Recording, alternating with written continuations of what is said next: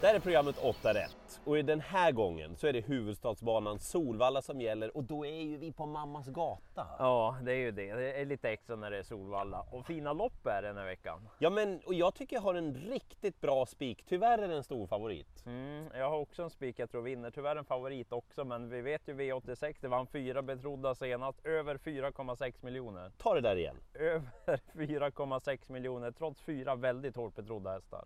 Det är otroligt. Ja, så att skrällarna de drar bra. Och vi har sådana också. Tro inget annat. Vi börjar då i V86 första avdelning och test inför jubileumspokalen. Femåringar då. Konrads Rödluva är jättefavorit. Det blir den. Ja, visst är det konstigt att man drar fram den, men så är det ju. Hon är gigantisk favorit alltså.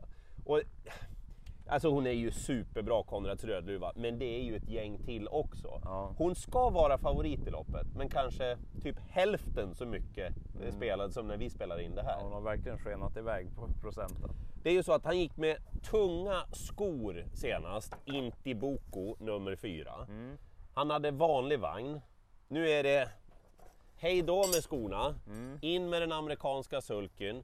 Nu har dessutom Mika Fors lärt sig den här hästen. Hur han fungerar, uppkörningen till bilen och så. Här. Han tar ju ledningen, tror jag i alla fall. Ja, men precis. Så. Och dessutom läste jag att Timo Nurmos då inte var riktigt nöjd med hästens uppträdande efter loppet och i loppet. Okej. Mm. Så att en bättre prestation från Intiboko den här gången, ja då vinner ju han loppet. Mm. Och betydligt mindre Ja. spelad. Och det såg ju jättebra ut med amerikansk sulky senast på Alone nummer 7 i loppet. Han krokade i en konkurrent när han galopperade där. Ingenting att bry sig om, formen är intakt. Tar man de här tre, då är man hemma tror jag. Ja, Och, och lite, jag ska säga det, lite av V86 handlar ju om det, att överleva liksom. Och så gäller det att få med de där skrällarna och ta ett gäng. Ja. Men frågan är hur många man ska ta i avdelning 2. För apropå se bra ut senast så såg ju 15 Sensero Jet.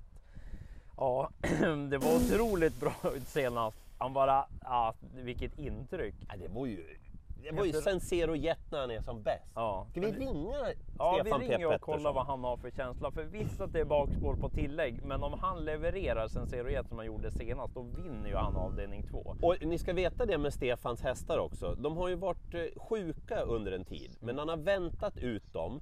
Och nu är det kanonform på stallet. 16 senaste starterna, fyra segrar, åtta bland de tre och så intrycket på Sensero Jet. Är du med Stefan? Absolut, Ja. Vad tyckte du om vårat snack där? Gillar du det eller? Ja, det känns ju jättebra. Det känns ju nästan bättre än vad det är i verkligheten när, ni, när ni säger det sådär. Men eh, det, det låter såklart bra och eh, ja, vi, vi, vi har det bra nu. Hästarna mår bra och eh, det känns bra i träning och ja, det jävlas ibland i trav. Det, det, det bygger lite på det, men, men jag tycker att mina hästar presterar när de kan och ja, det känns bra för dagen. Du, vi tycker att han såg hemsk ut senast, Sensero Jet. Vad har du för känsla efter loppet?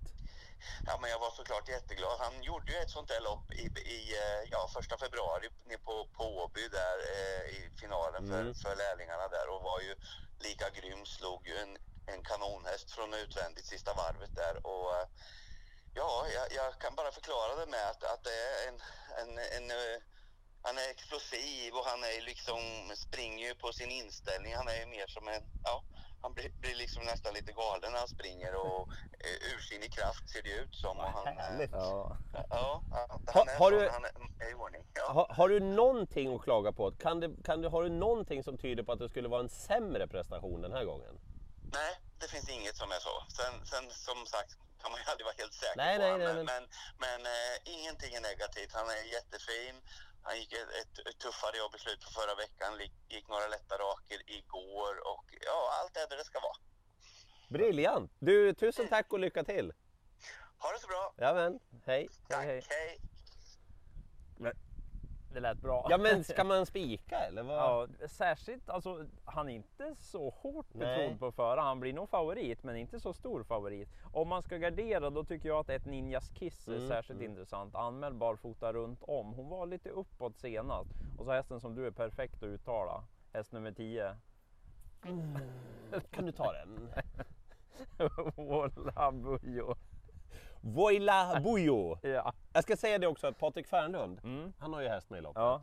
Borups Tornado. Mm. Det är första rycktussar på honom den här gången. Jag pratade med Fernlund som hade testat det i jobb.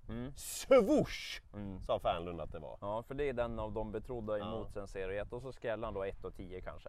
V86 tredje avdelning, det är bara att smacka på en spik på Brambling nummer två. Mm. Eh, han hade ju ändrat till amerikansk sulky senast, men dessutom hade Daniel Redén filat lite grann på Ja, balansen. Så han rörde sig mycket mer effektivt, Brambling. Ja, han var väldigt fin. Ja, vi är inne på att han kan öppna mycket bättre också, Brambling. Han spöar de här hästarna, speciellt när distansen är vad den är den här gången. Ja, han är jättefavorit. Ja, det finns säkert utrymme för några att gardera, men jag spikar utan att tveka. Det här är en kanon, Brambling.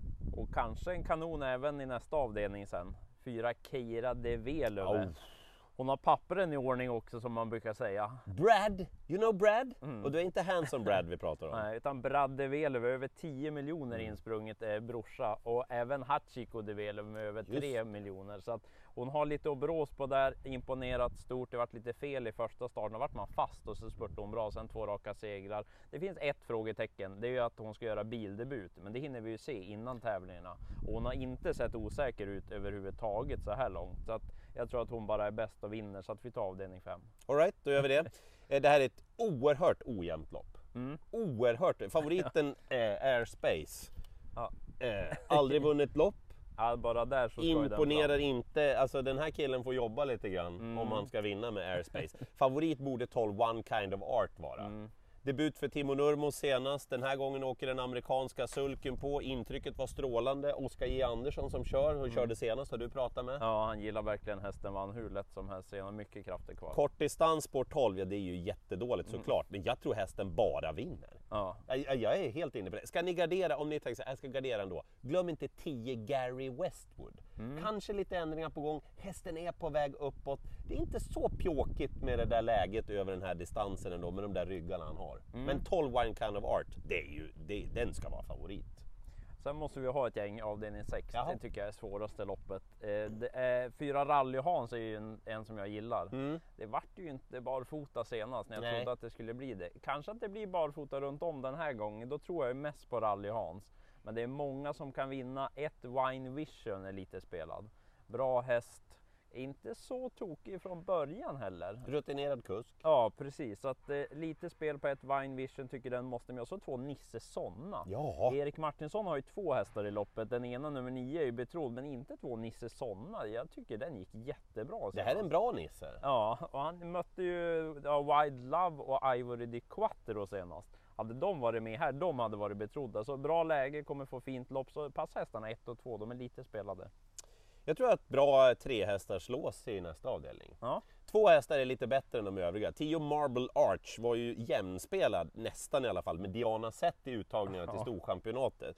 Eh, Björn Goop hade vässat upp hästen, han hade provat den amerikanska sulken. Det blev liksom lite för mycket av det goda där och galopp då. Men hästen är ju jättefin. Nu backar man lite grann, hon möter lättare motståndare. Jag tror att hon har en bra chans att vinna. Men det är ändå bakspår och fem Dearest. Här har det hänt saker. Ja. Och, och tänk också på att Örjan Kihlström har det där läget med en häst i form och den har visat sig kunna kliva iväg rätt bra utan att Örjan har brukat den för fullt. Då kan det vara läge att han öppnar lite Ja, till på så kranarna. blåser han till spets då och så är det det. Men tre digital literacy. Hon kvalade ju in till Storchampionatet. Det är helt ospelad den här gången. Hon fick krafter kvar dessutom i Storchampionatet. Kolla gärna på det hur det ser ut. Jag gillar digital literacy. Så de där tre, de tar jag. Mm. Och så avdelning 8 sen, alltså då måste den här fram. Ja. Favoritduon är bra visst, men ja, Jag håller i den då. ja den, den, kan, den kan du hålla i resten av programmet.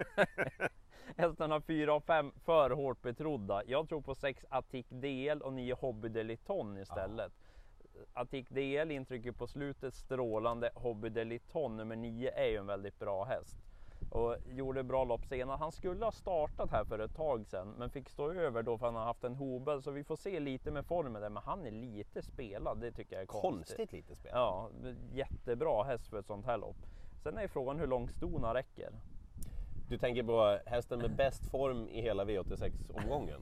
Ja, frågan är vilken av dem jag ska Nej, nämna då, för det. båda har toppform.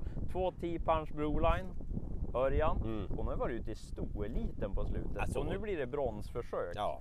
svårt att sätta in det och, och 10 Digital Class, hon har varit ute och mött Racing Broda, Ynnet och Algar och sådana där. De två, de kommer vara väldigt bra. Formen sitter där så att jag kommer gardera avslutningen. Jag spikar Brambling. Jag tycker att det finns lite låslopp som ni har förstått. Jag tycker att den är görbar den här omgången. Ja, jag spikar Keira de Velve. Sen Zero Jet är ju den att Ja. fundera på i övrigt. Och sen finns det ett gäng sällar som jag har nämnt då. Välkomna med V86 19.20 startar vi 19.00 V86 direkt på TV12 och 18.00 på ATG.se. Nej, nu har vi åtta rätt den här gången. Det har vi. Lycka till!